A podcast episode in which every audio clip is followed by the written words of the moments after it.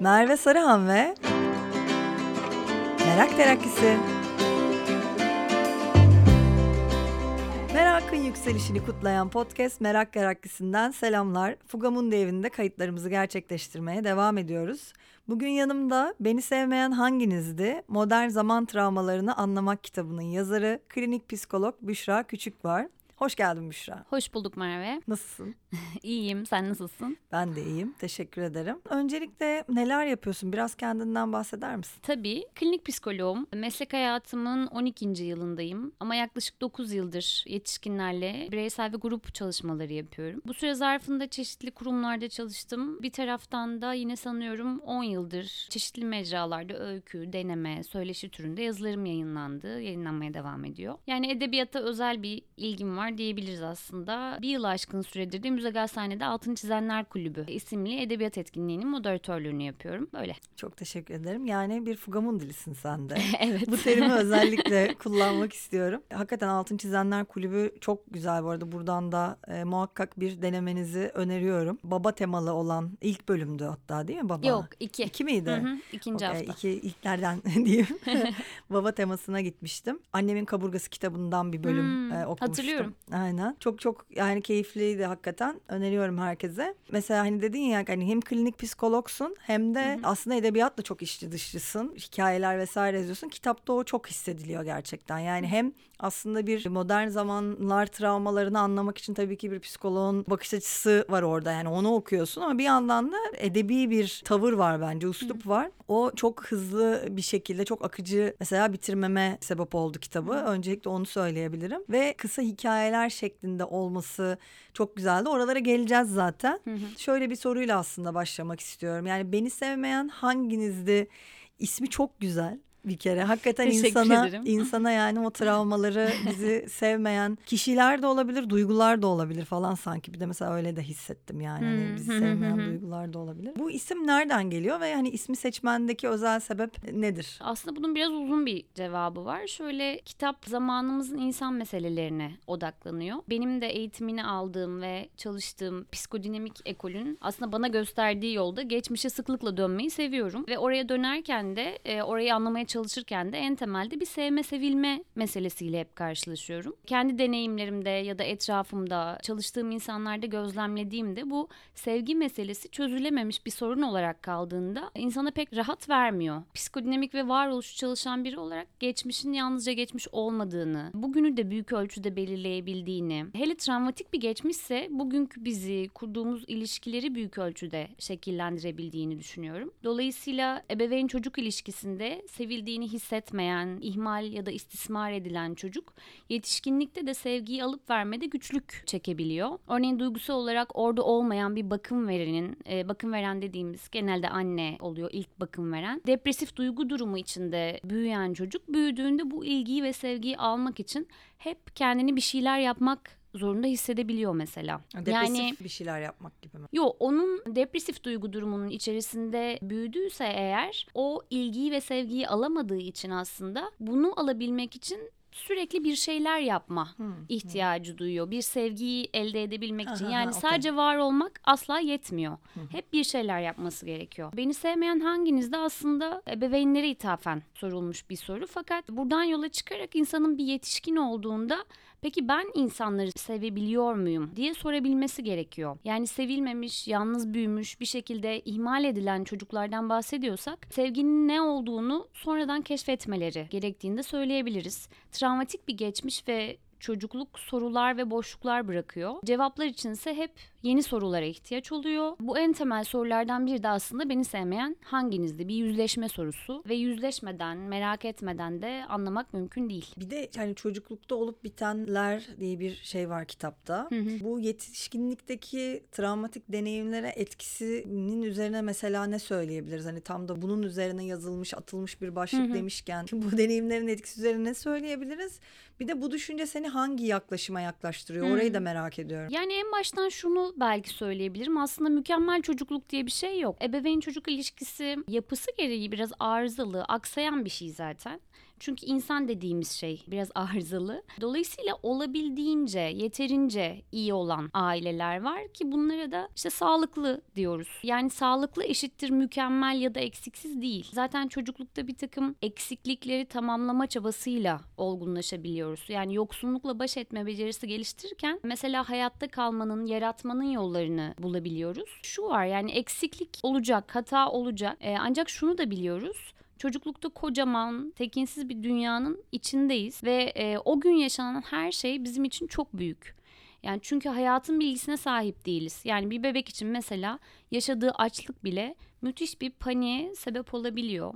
Çünkü bilmiyor doyacak mı, vücudunda bu olan şey ne, Dışarısı nasıl bir yer? Doğum ilk travma olarak neden alınılıyor? Çünkü bebek bambaşka bir dünyaya doğuyor. Onunla baş etmeye çalışıyor. Çocuklukta olup bitenler neden hayatımızda bu kadar belirleyici? Tam da bu sebepten bugünün gözüyle oraya bakmak değil de anlamak için bir çocuğun gözüyle bakabilmek gerekiyor belki. Şöyle yetişkinlerle çok karşılaşıyorum. Çocuklukta yaşadığı örneğin evde yalnız bırakılma mesela deneyimini bugünden bakıp önemsizleştiren, benim üzerimde bir etkisi olamaz diyen bugünkü haliyle bunu. Halbuki 5 yaşında bir çocuk için evde sıklıkla ebeveynleri tarafından yalnız bırakılmak mesela oldukça etkileyici bir şey. Korku uyandırma, kaygı uyandırma ihtimali yüksek. Sonuç olarak çocuklukta olup bitenler evet bugünü belirlemiş oluyor ve bu da beni psikanalitik bir bakış açısına yaklaştırıyor aslında. Kitabın başlıklarına gelmek istiyorum. Çünkü ilişki, varlık, yokluk, veda ve kaygıdan oluşuyor. Dört ana başlıktan oluşuyor.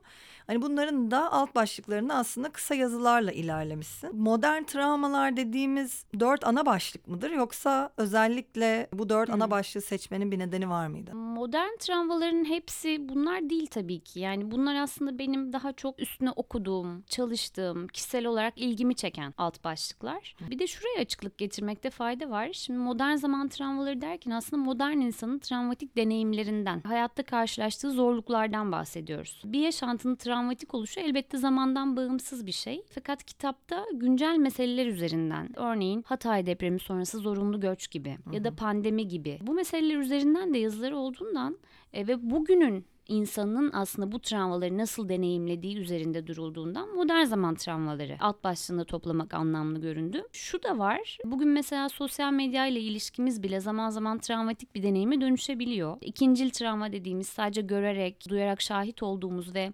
etkisinden uzunca vakit çıkamadığımız olaylar oluyor. Of hem de nasıl.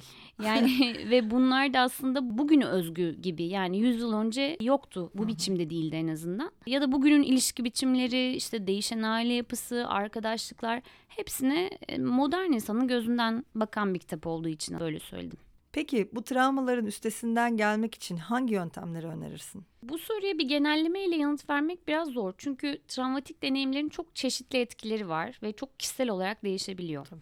Yani ruhsal bir zorluğun bazen psikolojik, bazen fizyolojik etkileri olabiliyor. Esas sorun travmadaki kaygıyla baş etmek için geliştirilen mekanizmaların bir süre sonra insanı esir almaya başlaması. Yani örülen duvarlar oluyor ve bu duvarlardan geçip de içeriye iyi bir deneyim sızamıyor. Bir şeyin bugün travmatik olarak algılanması için ruhsallığımızın çok erken dönemlerinde bir yere de temas etmesi gerekiyor. Yani basit bir örnek. Deprem travmatik çünkü temel güven duygusunun ortadan kalkmasına ve en temelde ölüm korkusuna denk düşüyor. Ve travma tepkileri de belki çocukça diyebileceğimiz çocukluğa ait ilkel tepkiler ve yetişkinlikte de bir regresyonla yaşanabiliyor. Çünkü tehlikeyle karşılaştığımızda ruhsallıktaki o ilk ve en ilkel savunma mekanizmalarına direkt bilinç dışı bir biçimde yöneliyoruz. Hepimiz baş etmek için çeşitli yollar geliştiriyoruz. Yani örneğin önce inkar ediyoruz belki sonra kabulleniyoruz anlamaya, içinden geçmeye çalışıyoruz. Bence bunlar zor konular. Eğer travmadan bahsediyorsak ruhsallıkta açtığı yara bazen o kadar büyük oluyor ki çeşitli davranış kalıpları olarak da bizimle yaşamaya devam edebiliyor. Yani örneğin pandemi sonrası birçoğumuz hala yanında kolonya taşıyor. E, eskiden olsa buna kolayca OKB tanısını yapıştırdık ama şimdi bu süre gelen semptom gerçekten OKB mi yoksa normal mi? İşte normalde zaten değişmedi mi gibi sorular var. OKB'yi de biraz açıklar mısın? Obsesif kompulsif bozukluk. Hı hı. Süre gelen takıntılarla düşüncede ya da eğer kompulsif tarafı da varsa davranışlara dökülen tekrar eden kalıplarla ilerleyen şeyler işte bazısı için en şeylerini belki örnek verebilirim. En genel işte en hani çok karşılaşılan işte mesela temizlikle ilgili takıntılar, düzen takıntıları gibi. Bazıları için atıyorum kapıyı üç kez kilitlemeden çıkamamak, sonra bir tekrar dönüp tekrar bakmak, tekrar dönüp tekrar bakmak gibi çok basit bir yerlerden de e, gelebiliyor aslında. Anladım. Çok teşekkür ederim. Onu da açıklamış olduk. Bir yandan mesela kitapta da kendimize bakmaya cesaret etme diye de geçen ve hani bir yandan da bu yöntemlerin yani bunun üstesinden gelmek vesaire konuştuktan sonra benim açımdan gerçekten kendine bakmaya cesaret etmekle başlıyor bütün süreç. Ve e, ya burada bir şey var ve bunu çözmem gerekiyor ile başlıyor. Ya bu süreci başlatmak için ne yapmamız lazım? Önce merak etmemiz lazım. Tam Oley, da doğru yerdeyiz. doğru yerdeyiz. Ki önce kesinlikle merak etmemiz gerekiyor. E, Ben neden böyleyim diye bir merak yoksa e, ya da meselelerin nedenlerini sadece dışarıda aramak varsa cesarete falan da gerek kalmıyor aslında. Çünkü ötekini yükleyip kurtulacağımızı zannedebiliyoruz. Fakat huzursuzluğunu merak ediyorsa insan mesela neden hep benzer döngülere girdiğini ve çıkamadığını merak ediyorsa sonrasında da kendine bakmaya başlayabilir. Cesaret işi gerçekten çünkü kendi varoluşumuza dair de bir sorumluluk almak demek. Bir noktada kullandığım savunma mekanizmalarının işlevsiz olmaya başladığını, alışkanlıklarımızın pek de iyi gelmediğini de kabul etme süreci aslında. En başta dönüşmeye, bir şeylere başka gözle bakmaya dair direnci kırma girişimi gerekiyor sanıyorum. Bunun tek yolu olmasa da yollarından biri terapi diyebilirim. Ben de gerçekten bu dönem benim için de böyle senin de kitabında bol bol geçen işte sevme sanatı Erik Fromm'un. Ya bu arada hani bundan da bahsetmişken kitabın içindeki bir sürü kitaba gönderme yapman çok çok hoşuma gitti zaten hani öyle olur tabii ki ama bir onlara da çok iştahlandım onlara da çok heyecanlandım. Muhakkak bakmak istiyorum. Ama hani dediğim gibi yani Erik Fromm'un sevme sanatıyla başlayan ondan sonra Bell Hooks'un aşka dair ve en son bağlanma kitabıyla devam eden bir sürece girdim ben de. Hı, hı hı. Aslında tam tam o dönemdeyken senin kitabın çıktı. Lansmanda kitabı aldım. Çok zaten şeyle okudum. Böyle çok severek ve kendi içimde de zaten bu konuya merak salmış olduğum için okumuş oldum. Kesinlikle terapiye de başlamaya karar verdiğim bir dönemdeyim ben de. Herkese bu cesareti gösterip merak etmeye davet ediyorum gerçekten kendiyle alakalı içine bakmasını. Peki o zaman insanın kendini ve diğerlerini gerçekten görebilmesi için gereken psikolojik süreçleri nasıl tanımlıyorsun? Bunun net bir cevabı var mı bilmiyorum. Yani kendini görebilmesi için cesarete, ötekini görebilmesi için de kendinden biraz olsun aslında çıkabilmeye ihtiyacı var insanın. Kendimizle dolup taşmaya çok meyilli bir çağdayız. Ötekini de görmek için kendimizle olan meselelerimizde biraz sulha da ihtiyaç var. Yani tam da dediğin gibi cesaret gösterip kendimize bakmazsak zaten o meselelerin içerisinde kayboluyoruz. Dolayısıyla diğerine nasıl bakacağız? Oradan çıkıp da diğerine nasıl bakacağız? Ötekini de görmek için önce bir bakmak, didiklemek ve bir kalıba sokmak değil de gerçekten bakmak, yönelmek, anlamaya çalışmak gerekiyor diye düşünüyorum. Bence de kesinlikle. Yani insan daha kendine dönüp bakamıyorken bir başkasına e, bakabilmesi de zor oluyor gerçekten ama dediğin şekilde. Ya şimdi birazcık sen de Altın Çizenler Kulübü'nü yapıyorsun. Ben de bugün burada bu formatı buraya getirmek istedim ve her bir başlıktan altını çizdiğim bazı kitaptan yerler var. Ya çok güzel. Ee, onları okuyayım beraber üzerine konuşalım istiyorum açıkçası. Tabii ki. İlişkiden iki tane. Hı hı. İlişki başlığında bir manipülasyon sahası olarak ilişki başlıklı yazıda şöyle bir yer. Kişisel ilişkilerimde stratejik davranarak ne kaybederim? Cevap basit. Samimiyet ve doyuruculuk. Stratejik davranma kapasitem ve küçük hesaplarım bana çok fazla şey sağlayabilir. Para, statü, güç, geniş çevre. Ancak kendiliğindenliğin doyuruculuğunu kaybederim. İlişkilerde samimiyeti ve buna bağlı olarak güveni kaybederim. Birbirini pışpışlamaya devam ettikçe ve onlar tarafından pışpışlandıkça bende sevebildiğim, sevildiğim illüzyonu oluşur. Ve elbette bu ilişkiler bir ölçüde bu sevgiyi sağlayabilir. Ancak derinlemesine sevgiyi, güveni, diğerine kendine bakabilmeyi, diğerinden statüm için değil, varlığım ve yaşamdaki yaratma cesaretim için güç alabilmeyi engellemiş olurum. Çünkü bir takım çıkarımların ön planda olduğu ilişkilerde sevginin ve yanında oluşun da çıkarlarla doğru orantılı olduğunu unutmamak gerek. Sonra birazcık daha devam ediyor. Bu ikisini birlikte okumak istedim. İktidardaki stratejik davranmayı beceren manipüle etme kapasitesine hiç de fena olmayanlardır. Chateau Morelli ve Kuderk kitabında herkes herkese manipüle eder. Ancak tıpkı aşk paletindeki nüanslar gibi bu da çok değişik derecelerde olur diyor ve devam ediyor. Manipülasyona sapkınlık katan şey tekrarıdır. Bana kalırsa insan kendi düşüncelerini manipüle etme özelliğine de sahiptir ve zaten manipüle ettiği ölçüde politik yaklaşımlarının kendine verdiği içsel hasarı fark etmekten uzaklaşır. Yani gerçekten bu bölüm çok çok ilgimi çekti. Çok severek okudum.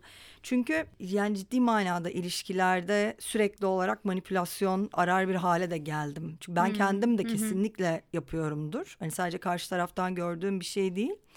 Ve bu manipülatif davranışlar aslında karşına verdiği zarar kadar seni de kendinden uzaklaştıran, sana da aynı dediği gibi o hasarı veren e, bir hale geliyor. E sen hasarlandıkça aslında e, o ilişkileri devam edemeyen yine sen oluyorsun. Yani o bağlanma kitabını falan okuduktan sonra biraz kaçıngan mıyım acaba diye düşündükçe buralarda açıkçası çok şey geldi yani bana ilişkili ve kitabın öyle ilişki başlığındaki en hani bana Aa, evet dediğim yer oldu. Zaten gerçekten kendi kendimizi de manipüle edebiliyoruz ve bunun farkında olmayabiliyoruz. Bunu anlamak kolay olmayabiliyor. Bir de stratejik davranma çok karşılaştığımız bir şey aslında. Bir ölçüde normal yani ya da olası ama yakın ilişkileri tamamen stratejik manevra alanına çevirmek tehlikeli bir şey. Yani neden? Çünkü doyumu azaltıyor. Gerçeklikten uzaklaştırıyor. Yine sürekli manipülasyon da sürekli kendi kendine eylemek gibi. Yani burada sadece ötekine değil kendimize de zarar veriyoruz ve kuvvetli, tatmin edici bir ilişki yaşama ihtimalinin aslında önünü kapatmış oluyoruz. Dolayısıyla ilişkiden kaçınmanın aslında bakınca sanki yollarından biriymiş gibi farkında olmadan tabii bilinç dışı bir yerden hı hı. kaçınmanın yollarından biriymiş gibi bu manipülasyonlar bazen. Erik Fromm da şey der yani şimdi şu anki insan çok böyle promoter bir insan yani sürekli olarak kendini anlatan kendini hmm. bir promosyon aracı olarak öne sunan hmm. bir hmm. E, yapıda diye. Paketleyip. evet yani o stratejik bakış açısı e, biraz oradan da geliyor. Yani reklam hmm. hep sürekli olarak kendi reklamını yapıyor olmak, sürekli böyle kendini pohpohluyor olmak. Bir yandan e, stratejik davranıyorsun ki aslında çok samimi olman gereken, en samimi olman gereken yerde bile o şeyden kurtulamıyorsun ve yollar arıyorsun kendine. O öyle olursa böyle olur falan diye. Çok da acıklı görünüyor bu bana gerçekten. Evet gerçekten. Hakikaten öyle. çok acıklı. Yani kendini paketleyip sunmak aslında bu ve bunu sadece o işte iş için atıyorum, statü için vesaire yapmak da değil. Bir taraftan tüm ilişki biçimlerine bunu yaymak çok acıklı bir şey çünkü kendin o zaman neredesin? Yani sen kimsin, neredesin, o ilişkin içerisinde hangi bağlamda yer alıyorsun? Bunların hepsi sanki birbirine karışıyor gibi geliyor. Evet. Yani çok Aa. acıklı gerçekten ve çok hakikaten mutsuz bir tablo gibi görünüyor benim gözüme. Evet yani o, o mutsuzluğu da yani yine sistemde aramak durumunda kalıyorum hmm, ben. Çünkü hakikaten kendine bakma cesareti vesaire dedik. İnsanlar hiçbirimiz ilk başta belki de anlayamadık zaten. Yani neyin içinde olduğunu, nasıl bir sistemin içinde e, aileden gelen bir şeyler var, toplumun verdiği bir şeyler var, genel dünya sisteminin sana dayattığı bir şey var hı hı. ve hayatta kalma güdüsü içinde bambaşka şeyler geliştiriyorsun. E tabii ki orada yani bu seviyeye gelmek hani bu kadar korkunç bir kapitalist düzenin içinde zaten bana şey gelmiyor da yani e, kitaplarda da okuduğum şey gösterilen yön bu. Onun dışında hakikaten doğru da buluyorum bu yaklaşımı. Yani budur yani sebebi budur diyecek kadar böyle neden neden neden diye geriye gittiğinde sanki ilk neden aslında zaten şu anda yaşadığımız sistem gibi hissettiriyor yani. Bir ilişki kısmında bir kısım daha aldım. O da çok ya da tek eşli romantik ilişki e, yazısından. Varoluşçu perspektiften ilişkilere bakıldığında magazinsel yanı öne çıkıyor ve dolayısıyla ilk göze çarpan Simone de Beauvoir ve Jean-Paul Sartre arasındaki açık ilişki tarzı oluyor elbette. Yazılanlara göre ünlü varoluşçu çift aşklarını uzun yıllar aynı tutkuyla yaşamaya devam etmiş ve bunun sürdürülebilirliğini de ilişkilerinin açıklığına dayandırmışlardır. Neden açık ilişki? Bana göre her iki tarafın da hayatlarına başka kadın ve erkekler alabildiği, buna dair birbirine dürüst davrandıkları, sahip olma ve sahiplik hakları üzerinden yürümeyen ilişkiye dair bir çeşit özgürlük biçimidir. Açık ilişki hiç yaşamadım açıkçası. Ama açık çok eşlilik son dönemde çok konuşulan bir hale geldi. yani poliamor ciddi manada artık sadece e, terim olarak bile kimse bilmiyordu bunu. Artık çok konuşulan ve çiftler arasında denenen bir yere geldi. O yüzden hani burada bunu yazman yani hem magazinsel olarak hakikaten ee, ama bir yandan da ne düşünüyorsun? Bunun üstüne biraz konuşmak istedim bu programda. Burada yazı olduğu için. Yani şöyle kitabın kritik yazılarından birisi bence. Şunu düşünüyorum aslında. Her ikisi için de yani yazıda da biraz öyle bir yerden yaklaştım. Tek eşlilikte de ya da çok eşli sistemde de nasıl bir denge içerisinde kurulduğu bu ilişkilerin çok önemli. Hı hı. İşte tek eşlilikte meselenin bir hapsedişe dönmesi, onun varlığını tahakküm altına almaya dönmesi, tamamen birleşik bir hal alması bir noktada o ilişkiyi zedeleyen bir şey haline gelebiliyor. Bunu görüyorum ya da gözlemliyorum öyle söyleyeyim. Hı hı. Ama şu da var aynı biçimde şimdi bu çok eşli ilişkilerin handikapı da şu. Çok fazla kişiden kişiye geçen derinliği gerçekten ilişkisel derinliği ve ilişkinin ihtiyacı olan, kişinin ihtiyacı olan sevgiyi, duygusal ihtiyaçları öyle söyleyeyim. Elde edemediği ve sadece tatmin, belki haz üzerinden ilerleyen bir tarafı olabiliyor. Hı hı. Yani aslında çok ya da e, tek eşli hangi biçimde olursa olsun ilişkide sağlıklılığı soruyorsak eğer dengeli ve samimi olmasından geçiyor zannediyorum. Yani dengeli bir ilişkide tam manasıyla bir içe kapanma ya da hoyrat bir biçimde dışarıya açılma değil de içeride ve dışarıda kişinin kendi olabilmesine, sevgi, güven içinde varlığını koruyabilmesine olanak sağlama söz konusudur. Tek eşlilikle ilgili bir takım tabuları hiç sorgulamadan kabul etmek ya da sıkıştırılmış bir biçimde toplumun da aslında bir biçimde bize gösterdiği ve bizden beklediği biçimde yaşamak da belki çok sağlıklı ya da iyi bir fikir olmayabilir. Hı hı. Ama aynı biçimde çok eşlilikte de başka handikaplar söz konusu. Evet. Dediğim gibi biraz önce biraz popülerleşmeye başlayan bir tanım oldu. Hı hı hı. Ondan dolayı da denemek istemek üzerinden de bence şeyler dönüyor olabilir. Bilmiyorum yani hiç emin olarak konuşmuyorum tabii bunları. Hı hı hı. Ama Evet hepsinin farklı şeyler var ama denenmeden de bulunabilecek bir şey olduğunu da düşünmüyorum. Yani o kadar böyle hani dediğin gibi o toplumsal normlara, ahlakçılığın arkasındaki şeylere sığınarak hep aynı yerlerde kalınıyor ki e, gerçekten denenmeden de ne olacağını bulunamayacağını da düşünüyorum. Peki o zaman şeye geçiyorum. Varlık yokluk başlığından anlam arayışı yazısından e, bir yer okuyacağım. Bu noktada anlamsızlık kavramına da göz atmak gerekir. Çünkü kimi intiharlar işte bu ucu bucağı olmayan anlamsızlık ve boşluk halinden doğuyor. Peki insanoğlu nasıl bulabilir anlamı, nasıl tutunabilir hayata? Victor E. Franklin gibi şu açıdan bakmalıyız belki en başta. Anlam düşünülerek bulunacak bir şey değildir ve her birey için farklıdır hayatın bize verdiği bir şeyden ziyade bizim oluşturduğumuz bir şeydir. Kendi içimizde hapsolduğumuz yerden çıkıp dünyaya bakarak, kendimizi unutarak yaklaşabiliriz anlama örneğin. Çünkü kişi kendini aşma becerisine sahiptir. Aşkın bir hale erişmek ise yaşama bütünlükte olarak bakabilmek demek sanıyorum. Etrafı kendi dışındakini görebilmek ve onunla etkileşime girebilmek sevmenin önündeki engelleri kaldırarak, acıyla temasta kalmayı deneyerek, her şeyleri yoktan var ederek. Hayat anlam bulan kişinin hayatın getirdiği ya da kendi oluşturduğu olumsuzluklara tahammülü de artar böylelikle. Diğer taraftan şu an için anlam kaybı yaşayan bir kişinin geçmişteki anlamlı yaşantıları da yok olmuştur ya da gelecekte asla anlam bulamayacaktır diye düşünmek çok kısıtlı önü kapalı bir yerden bakmak gibi görünüyor. Çünkü içimizdeki bağlanabilen, tutunabilen arzunun bir takım engellerle küsüp geri çekilmesi onun hepten kaybolduğu ve hiç gelmeyeceği manasına gelmiyor. Frankl'ın anlamsızlık duygusuna dair söylediği bir diğer önemli şey bunun ne yapacağını bilmeme haliyle bağdaştığıdır. Örneğin hayvanlar içgüdüleriyle hareket eder ancak hiçbir içgüdü insana ne yapması gerektiğini söylemez ya da eski zamanlardakinin aksine hiçbir gelenek ona ne yapacağını bildirmez. Dolayısıyla insan ne yapacağını bilmez. Ya başkalarının yaptıklarını yapar ya da başkalarının yapmasını istediklerini. Üçüncü yol ise anlamsızlık duygusudur. Yani burada böyle bir özellikle son bölüm için o anlamsızlık duygusu e, yani hep böyle her yerde de bahsederim. Aslında ilk aklıma gelen o anlamsızlık duygusunda Yani birçok şey insan uydurmuş ya. Çok hikayeleştirilmiş ya. Toplumlar, şirketler, devletler, dinler falan filan.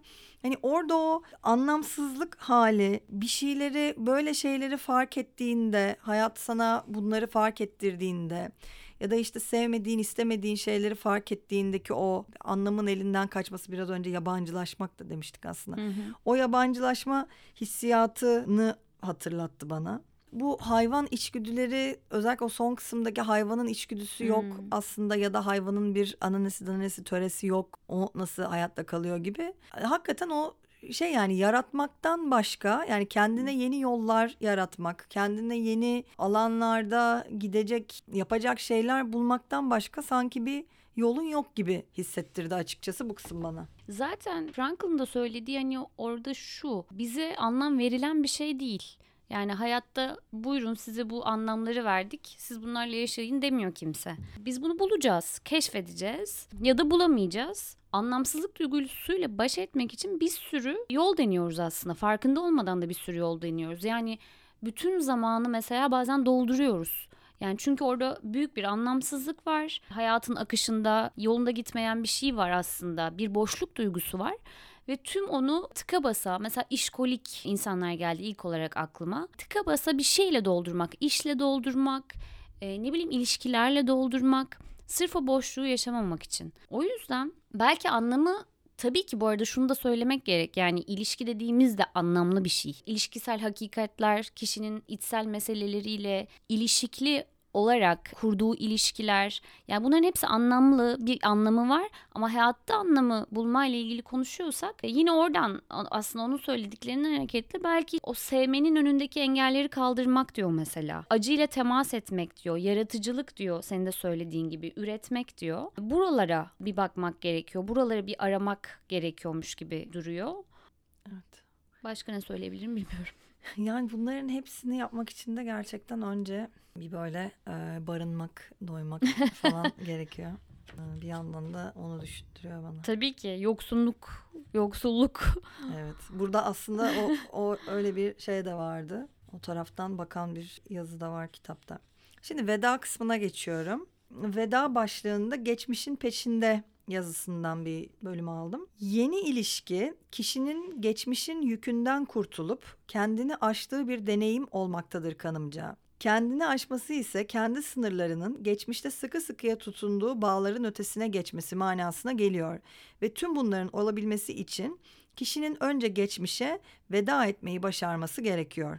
Bununla alakalı hem aslında geçmişe yani yeni bir şeyin başlaması için bir öncekini kapatman gerektiğine hmm. dair bir şey var kesinlikle bence. Bitmeyen bir şeyin e, yenisi başlamıyor. Hmm. Özellikle yani ilişkilerde. Ama onun dışında mesela yani hani geçmişte yaptığın her şey de seni bugün var olduğun yere de getirir hmm. bir yandan. Yani o veda etmediğin şeyler de aslında hmm. seni buraya taşıyan şeylerdir. Hmm. İkisi birbirinden farklı şeylerse lütfen söyle bu arada. Belki ben biraz karıştırıyorumdur.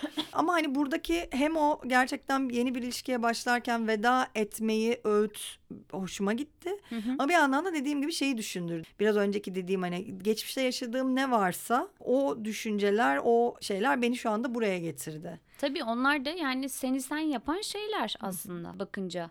Ya bir de şu var veda etmek dediğimizde gerçekten kolayca bir şey değil esasında. Yani en çok bu kitapla ilgili işte aldığım geri dönüşlerde de hep veda meselesiyle ilgili insanların çok dertli olduğunu Hı-hı. duyuyorum. Kendi adıma mesela şunu söyleyebilirim. Bir kayıp yaşamadan, gerçek bir kayıp yaşamadan e, ya tabii ki kaybın bir sürü çeşidi var bu arada. Birlikte yaşadığın evcil hayvanını kaybetmek ya da anneni babanı kaybetmek ya da bir arkadaşını ya da hani illa ölüm de olmak zorunda evet. değil. Ee, yaşadığın yeri kaybetmek gibi gibi pek çok yerden kayıp var. Bir kaybı gerçekten yaşamadan kayıpla ilgili söylenen şeyler yani bir atıp tutmaya dönüşüyor gibi geliyor artık. Ben hani kendi adıma bir kayıp gerçek bir kayıp yaşadıktan sonra aslında veda etmenin ne kadar zor bir şey olduğunu anladığımı söyleyebilirim. Onun Öncesinde de veda üzerine çok şey konuşuyordum ya da kavramsal olarak bir sürü, bir sürü şey söylenebiliyor yaz süreciyle ilgili de. Hı hı. Ama çok da basit bir şey olduğunu düşünmüyorum. Bir taraftan da şu var veda ile ilgili geçmiş ilişki tarzları e, ne demek? Daha çok ebeveynlerimizle olan bağlanma biçimleri demek. Hı hı. Yani bunları fark edip tekrar ettiğimizi görebilirsek belki bir ihtimal oradan çıkabiliriz. Bildiğimiz yerden çıkarsak ancak başka bir biçimde bağlanabilir, başka bir biçimde ilişkileri ele alabiliriz. Örneğin güven vermeyen bir babanın çocuğuysam ben ilişkilerde güven ekseninden çıkamayabilirim. Yani güveni sağlamak için diğerini hapsedebilirim, kontrol altında tutmaya çalışabilirim, sürekli bu döngünün içerisinde kalabilirim. Böylelikle ilişkiyi sabote de edebilirim. Ezber bozmak gerekiyor. Başka türlü davranabilmek için başka türlü bakmak. Partnerimizin mesela işte annemiz babamız olmadığını hatırlamak. Bu önemli. Onlarla olan meselem devam ediyorsa işte geçmişi bir düşünmem gerekir ki bugünkü ilişkimi geçmişe boğmayayım. Aynen.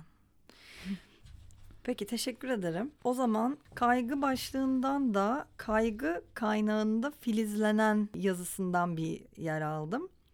Kaygı alttan alta işleyen bir çark gibidir. Onu anlayıp yaratıcı bir enerjiye dönüştüremediğimiz sürece bizi dişleri arasında ezmeye devam eder. Üstelik dışarıda bir yerde bizden bağımsız değil tam içimizde bize aittir. Hayatın bazı dönemlerinde bize ait olan bu güçlü duygunun zorlayıcılığı o kadar yoğundur ki onu dışarıya atmak, ondan derhal kurtulmak isteriz. Ancak kötü haber şu. Kaygı asla tam olarak kurtulabileceğimiz, dışarıya atabileceğimiz bir duygu değil. Ona yaklaşımımız onu yok etmek olduğu sürece yakamıza yap yapışacağı da kesin üstelik. Evet, kaygının oluşturduğu semptomlar bazı terapi teknikleriyle hızlıca yatıştırılabilir. Fakat kaygının kaynağına bakmadığımız sürece o kendisi başka başka semptomatik belirtilerle yeniden var eder Peki bu kaynak nerededir? Bir soruyla bitirmek istedim. Çünkü bu kaynak gerçekten nerededir diye hem sana soracağım hem de yani kendim e, alakalı da yorumum bunu okuduğumdaki hissiyatım ben bunu mesela çok başarmaya çalışıyorum. Yani çünkü kaygılanınca çok kaygılanıyorum. Hı hı. Ee, yani anksiyetem var diyemem. Anksiyetik bir insan değilim ama bunu sanırım kaygılanmamaya çalışarak yapmayı başardım ya da bilmiyorum belki başka yerlerden patlıyordur muhakkak. Bazen sinirlenebiliyorum çünkü. Bu kaygı olacak. Yani onu hı. onu bir yandan da kaygılanmamaya e, çalışma durumum onu kabul ederek de oldu. Hmm, yani mesela kedimi kaybettiğimde yani kedim eve gelmediğinde şu anda da mesela yani yok bir tanesi gelmiyor.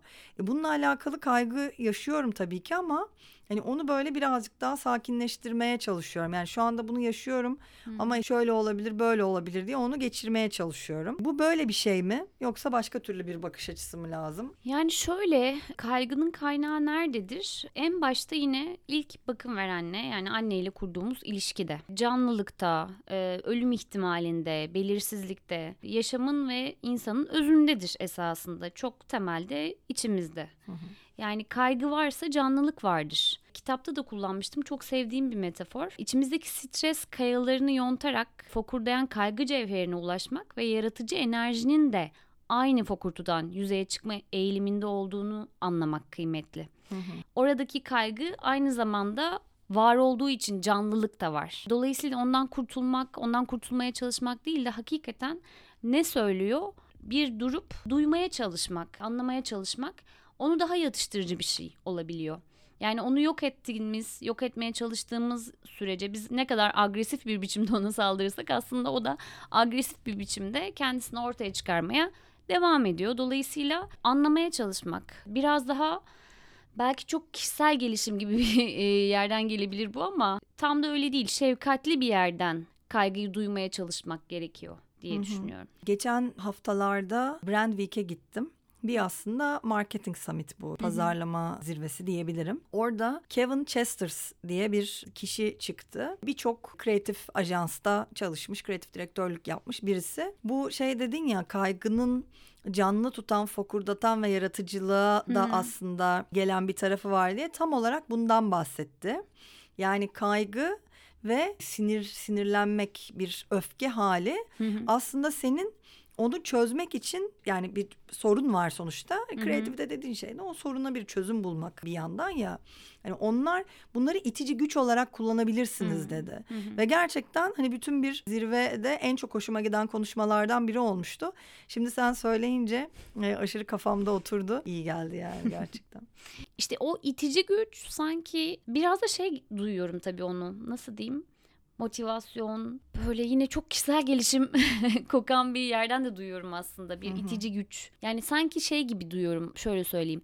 Olumsuz tüm duyguları dönüştürmeliyiz. Onu işe yarar bir şey haline getirmeliyiz gibi. Tam olarak kastettiğim o da değil aslında. Yani o olumsuz duyguları, olumsuz denilen, addedilen duyguları da e, dönüştürmek zorunda değiliz esasında. Yani tamam e, kaygıdan başka bir şeye çevirebiliriz. Doğru böyle bir kaynağımız var. E, ama o kaygının içerisinde ya da kaybın içerisinde kalmak da gerekiyor bazen gerçekten. Yani her şey dönüşecek, her şey itici bir güce dönüşecek. Tüm olumsuz duygular günün sonunda olumlu bir duyguya varacak gibi bir yerden bakmayı da çok doğru bulmuyorum. Evet bu da bir senin dediğin de bir bakış açısı sonuç olarak. Ve ilk başta da aslında bu paragrafı seçmemdeki sebebi Hı hı. de hani ya benim için kaygı gerçekten hani hem kabullenmem gereken hem de bir yandan da çok büyürse diye kaygılanmamayı da seçmeye çalıştığım bir yerde. Bu ikisi birlikte oluyor mu bilmiyorum. hani gerçekten emin değilim. Belki bununla ilgili de terapiye gitmem gerekiyor. Peki çok teşekkürler. Çok güzel bir sohbetti ama son olarak tüm konuklarıma sorduğum bir son sorum var. Sen bu aralar neyi merak ediyorsun, neye yükseliyorsun? Ben bu aralar kadın terapistlerin kadın meselelerine bakışını merak ediyorum. Kadın olmak kadın terapistler tarafından nasıl anlaşılıyor, nasıl deneyimleniyor? Bununla ilgili okuyup araştırıyorum. Hatta bununla ilgili bir söyleşi serisi planlıyorum. Benim bu aralarki merakım bu. Hemen olsun o zaman. Umarım. Hemen olsun gelmeye başlayalım. Umarım. Çok teşekkür ederim. Ben teşekkür ederim. Çok keyifliydi. Kitap da çok güzeldi. Sohbet de çok güzeldi. Öyleyse kendinize iyi bakın. Bir sonraki bölüme kadar merakla kalın. Merak terakisi bitti. Fugamundi sundu.